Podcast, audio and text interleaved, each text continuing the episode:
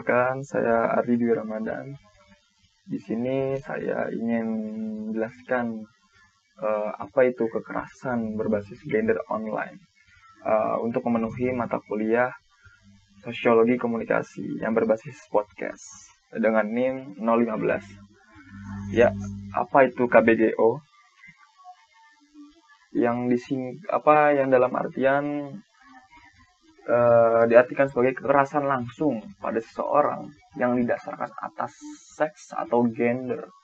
Jadi termasuk tindakan yang mengakibatkan bahaya atau penderitaan fisik, mental, ancaman dan paksaan. Menurut WHO, kekerasan seksual juga uh, suatu tindakan tindakan seksual atau usaha melakukan tindakan seksual komentar yang bertuju atau ber, komentar yang bertujuan untuk berperilaku seksual yang tidak di, disengaja ataupun sebaliknya. E, bahkan dari Komnas Perempuan, e, kekerasan seksual itu dibagi dalam 15 bentuk.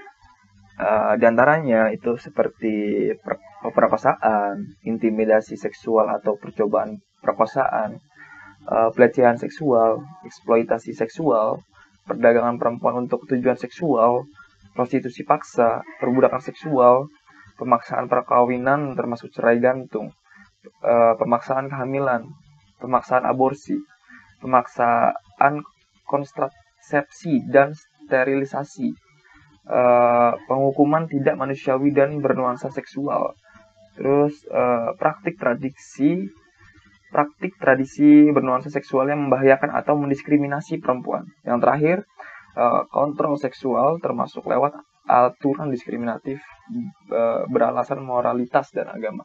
Jadi beberapa akhir ini sudah banyak banget yang terjadi atas kekerasan seksual. Seperti salah satunya di banyak sekali di media sosial eh, orang dapat melakukan kebebasan berekspresi dengan memberikan uh, ujaran-ujaran apa pun dalam komentar-komentar apa pun. Bahkan di situ kita tidak bisa memfilter gitu atas emosional kita dalam berkomentar. Dan di sisi lain kita dalam medsos ini mungkin uh, bisa atau dapat melakukan apa aja dari stalking atau sharing, bahkan mendapat informasi dari media sosial. Bahkan kita uh, dari media sosial sendiri sudah digunakan mungkin hampir seluruh masyarakat dunia. Yang di mana kita uh, dapat memberikan identitas kita atau memberikan informasi tentang kita di media sosial tersebut. Yang pada akhirnya menyebabkan kekerasan berbasis gender online. Selanjutnya, uh, saya ingin uh, menjelaskan mengenai jenis-jenis uh, apa namanya KBGO atau yang disampaikan oleh Ellen Kusuma uh, selaku divisi keamanan online Southeast Asia Freedom of Expression Network atau ZNet. Yang pertama itu dari Avenger Porn.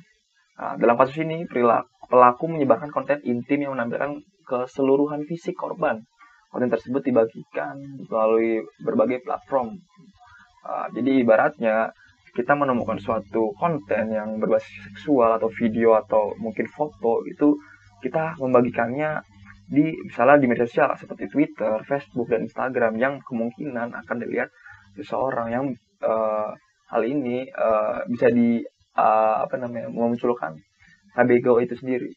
Atau atau ada juga yang nomor dua ini sextortion yang merupakan penyebaran konten intim dengan motif tujuan pelaku ingin memeras korban seperti memeras uang dan meminta korban untuk mengirimkan konten intim lainnya Biasanya pelaku memaksa lalu mengancam korban jika mereka menolak permintaan dari si pelaku itu sendiri.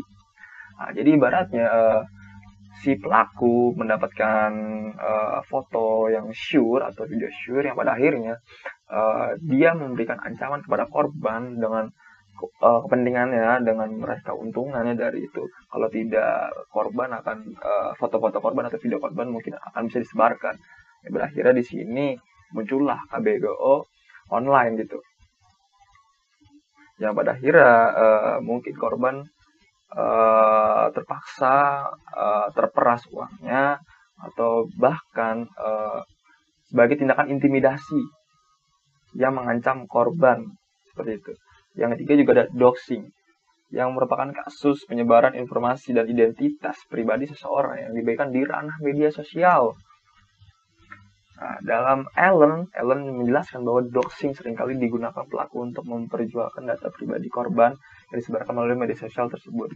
Nah, doxing ini mungkin cukup cukup terkenal ya. Jadi ibaratnya kita mendapatkan video sure yang kita ambil dari suatu media, terus kita uh, menjual ke ranah-ranah media sosial, ke link-link yang mungkin menyebarkan uh, foto sure atau video sure tersebut yang pada akhirnya foto-foto vulgar atau foto-foto syur ini bisa kita perjualbelikan ya pada akhirnya kita nggak tahu korban itu siapa dengan itu siapa yang diambil oleh oknum-oknum yang memang uh, di situ uh, memiliki kepentingan dan keuntungan untuk dirinya untuk dirinya pribadi yang mengakibatkan pada akhirnya uh, kekerasan berbasis gender online ini. Yang keempat ada impersonating uh, atau pemalsuan akun yang tujuannya untuk mencemarkan nama baik korban. Dalam hal ini pelaku membuat akun media sosial palsu yang menampilkan identitas korban lalu berupaya merusak reputasinya. Banyak pelaku yang membuat akun-akun palsu yang meniru korban, lalu mereka merusak reputasi korban dari situ.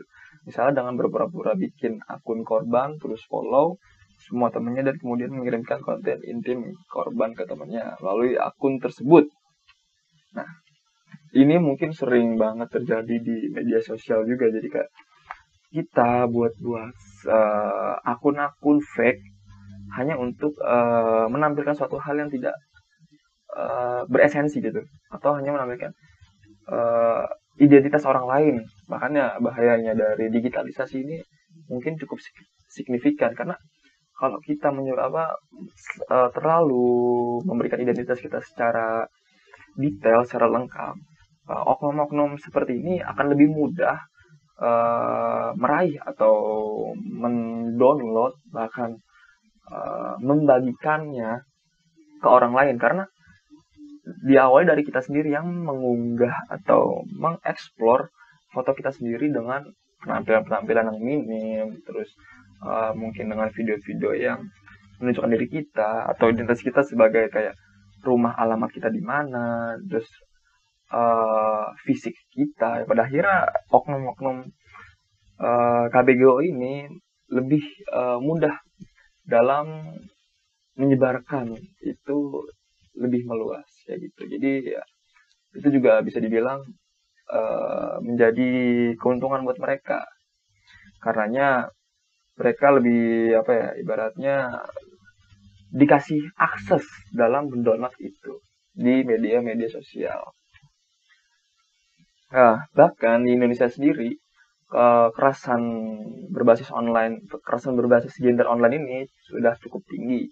Uh, yang ibaratnya banyak mungkin dari para remaja yang ibaratnya kita uh, mengajak video call gitu video call ke perempuan dengan menunjukkan kelamin kita atau bahkan kita mengajak uh, saling buka membuka atau uh, di situ kita statement atau asumsi berkomentar mengenai uh, payudara yang besar atau payudara yang kecil itu yang bisa dibilang itu sudah termasuk unsur-unsur uh, eh, KBGO. Saya punya data kasus uh, di Indonesia uh, yang dibuat oleh LPM Solidaritas Fisip. Nah, di Indonesia, kasus kekerasan seksual semakin meningkat setiap tahunnya. Menurut catatan Komnas Perempuan diri dari tahun 2017 sampai 2019, kasus kekerasan seksual di Indonesia mencapai 17.940 perempuan menjadi pihak yang paling sering mendapatkan kekerasan secara seksual. Namun kekerasan seksual tidak hanya berkaitan dengan perempuan, laki-laki, dan individu gay, lesbian, biseksual, dan transgender. Termasuk uh, Ridgway uh, pada tahun 2014 dan Stotzer 2009, menurutnya jadi kekerasan seksual merupakan fenomena interaksional yang melintasi jenis kelamin, ras, eh, kemampuan, suku, seksualitas dan lain sebagainya. Nah, pada umumnya jadi KBGO apa KBGO ini sendiri tidak terjadi pada perempuan aja, bahkan laki. Uh, jadi bahkan bisa di dalam komunitas gay gitu. Kalau dari lelaki sendiri mungkin ada yang ibaratnya uh, di situ para lelaki dengan ancaman atas eh, foto-foto yang mungkin menampilkan foto-foto syurnya akhirnya bisa disebarkan oleh oknum-oknum yang nggak di oknum-oknum yang menyalahgunakannya. Setelah itu uh, setelah itu saya punya data uh, kasus di Unsud atau Universitas Jenderal Sudirman yang mungkin uh, sering terjadi di beberapa kampus juga uh, mengenai kekerasan seksual ini. Nah, saya akan menjelaskannya. Ini juga dari data dari LPM Solidaritas, uh, dari melalui data Google uh, formulir atau dari Google dari platform tersebut yang kita mungkin uh, mensurvei beberapa orang di Unsur. Nah, dari perempuan itu yang menjadi korban adalah 81%. Yang dari laki-laki adalah 9%. Nah, dari bentuk kekerasannya ada yang 53,8 persen itu verbal atau secara mungkin ucapan yang ibaratnya kita mengatakan bahwa uh, payudaramu besar atau uh, mungkin mengajak dia ke tempat yang sepi atau ke hotel atau mengajak berseksu apa mengajak berhubungan intim dan 30 selanjutnya ada kekerasan fisik. Itu 34,6 persen yang mungkin kita bisa uh, pegang-pegang badannya terus lalu megang-megang payudaranya dan sebagainya. Lalu ada isyarat atau mungkin bisa dilihat dari mata yang berfokus kepada payudara atau sebagainya. Itu sekitar 11,6 persen. Uh, jadi uh, setelah survei ini dalam survei ini LPF Solidaritas bentuk sebagaimana keinginan melapor yang sebagaimana masih banyak mahasiswa atau korban yang masih belum berani uh, melapor ke pihak berwajib mengenai kekerasan tersebut atau pelecehan tersebut. Nah, dari dalam data ini yang bersedia hanya 69,3 persen, yang tidak bersedia di yang tidak bersedia 30,7 persen. Jadi uh, lumayan cukup tinggi.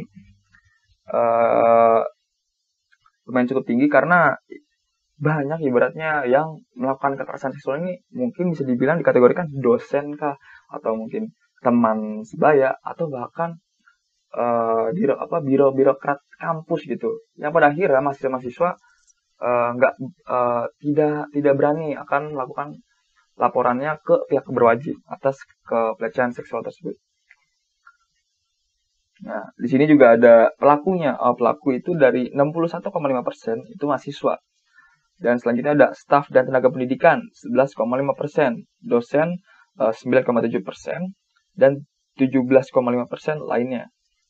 Nah, ini ada berbagai alasan tidak melapor uh, karena takut uh, memperpanjang masalah atau ada yang bilang merasa malu atau bahkan relasi kuasa atau power mungkin ada beberapa orang yang memiliki uh, kuasa uh, di uh, lingkungan mungkin di lingkungan kampus pada akhirnya korban ini tidak berani karena ancamannya bisa uh, DO atau penilaian yang buruk bahkan uh, victim blaming baik dari penyintas maupun lingkungan terus menganggap sebagai hal yang wajar jadi itu salah satu data yang sudah disiapkan dari LPM Solidaritas di kampus Unsud.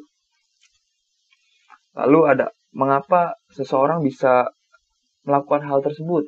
Mungkin dengan adanya eh, faktor-faktor uh, yang uh, apa pelaku ini menjadi akan uh, melakukan hal tindakan tersebut melakukan tindakan kekerasan seksual ini. Sepertinya uh, faktor penyebab yang pertama itu ada mengakarnya rap culture atau lingkungan sosial yang ingin memungkinkan kekerasan seksual untuk dianggap normal dan dibenarkan yang dipicu oleh tidak setaraan gender yang terus-menerus dan sikap terhadap uh, peran gender dan seksualitas. Uh, jadi kayak ibaratnya di sini mungkin bisa dibilang patriarki. Jadi kayak mungkin di sana melihat bahwa lelaki adalah satu hal yang uh, memiliki kekuasaan tinggi yang pada akhirnya dia bisa melakukan kebebasan uh, atas tindakan yang dilakukannya ke perempuan. Selanjutnya uh, ada hilangnya consent culture adalah budaya menanyakan persetujuan terhadap pihak lain ketika seseorang akan melakukan sesuatu terhadapnya. Budaya ini mengutamakan penghormatan terhadap respon orang lain terhadap permintanya, termasuk ketika respon yang didapat adalah negatif. Uh, ibaratnya uh, mungkin pelaku memiliki keintiman kepada korban, ya pada akhirnya dia bisa uh, apa ya melakukan itu yang bisa dianggap bahwa ini suatu hal yang biasa, yang padahal kita belum tahu uh, mungkin itu adalah tindakan suatu kekerasan seksual atau pelecehan seksual. Lalu ada kontrol uh, patriarki dan ketimpangan gender. Laki-laki dianggap superior, perempuan menjadi korban. Ya, seperti yang sebelumnya, seperti right culture tadi. Uh, lalu ada stigma negatif masyarakat. Munculnya kekerasan dan seksual di masyarakat sering dianggap sebagai aib. Nah, lalu ada lima aturan yang belum jelas. Istilah pelecehan seksual tidak dikenal dalam Kitab Undang-Undang Hukum Pidana, Kitab Undang-Undang Hukum KUHP yang mengenal istilah perbuatan cabul. Saat ini hukum hanya melindungi korban pemerkosaan dan pencabulan. Atau yang keenam, victim blaming. Masih adanya sikap menyalahkan korban yang mengalami kekerasan seksual. Salah sendiri pulang malam uh, atau lihat saja bajunya terbuka. Jadi kayak ibarat banyak yang masih uh, mengasumsikan bahwa korban tersebutlah yang memancing adanya kekerasan seksual. Sebenarnya sebagaimana dia menggunakan baju atau penampilan apa pun itu bukan itu hak dia gitu loh uh, bukan berarti kita membatasi bahwa harus pengen itu berbagian tertutup semua jadi kan emang ada peran si orang uh, mau melakukan tindakan seksual ini yang pada akhirnya dia semena-mena dengan bilang penampilannya yang minim lah atau sebagainya um, selanjutnya itu ada saran sedikit mengenai kalau menurut saya sendiri uh, perlunya literasi me perlunya literasi media. Kenapa sih bilang?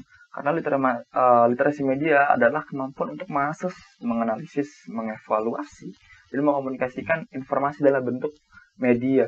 Intinya adalah literasi media uh, berusaha memberikan kesadaran kritis bagi halayak ketika berhadapan dengan media.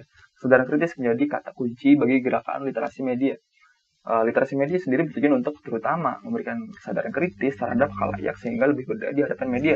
Sebagaimana kita pengguna media, bukan hanya menggunakan saja, namun kita mempelajari atau tidak memberikan lebih terhadap identitas kita terhadap media tersebut.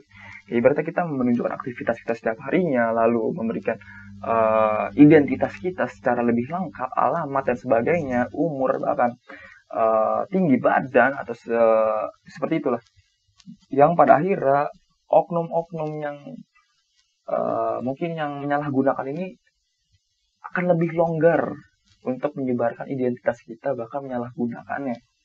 Nah, di sini saya punya tips uh, dalam menggunakan privas dalam melindungi privasi kita. Yang pertama uh, itu pisahkan akun pribadi dengan akun publik. Sebagaimana kita akun privasi tidak perlu disebarkan kayak gitu dan cukup mungkin orang-orang tertentu saja yang kita apa yang cukup mengetahui kita lalu ada cek dan atur ulang pengaturan privasi lalu yang ketiga ciptakan password yang kuat dan nyalakan verifikasi login empat jangan sembarang percaya aplikasi pihak ketiga yang kelima, hindari berbagai lokasi pada waktu nyata atau real time location share. Jangan pernah memberikan lokasi yang nyata di saat kita menggunakan media sosial. Yang keenam, berhati-hati dengan URL yang dipendekkan. Yang ketujuh, lakukan data detox.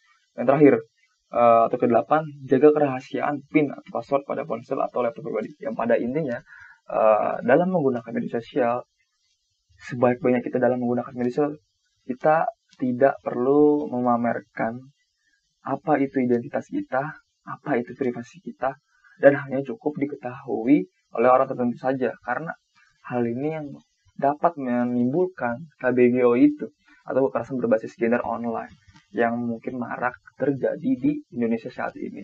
Nah, sekian mengenai KBGO atau kekerasan berbasis gender online. Uh, semoga teman-teman mendapat manfaatnya. Sekian dari saya. Wassalamualaikum warahmatullahi wabarakatuh.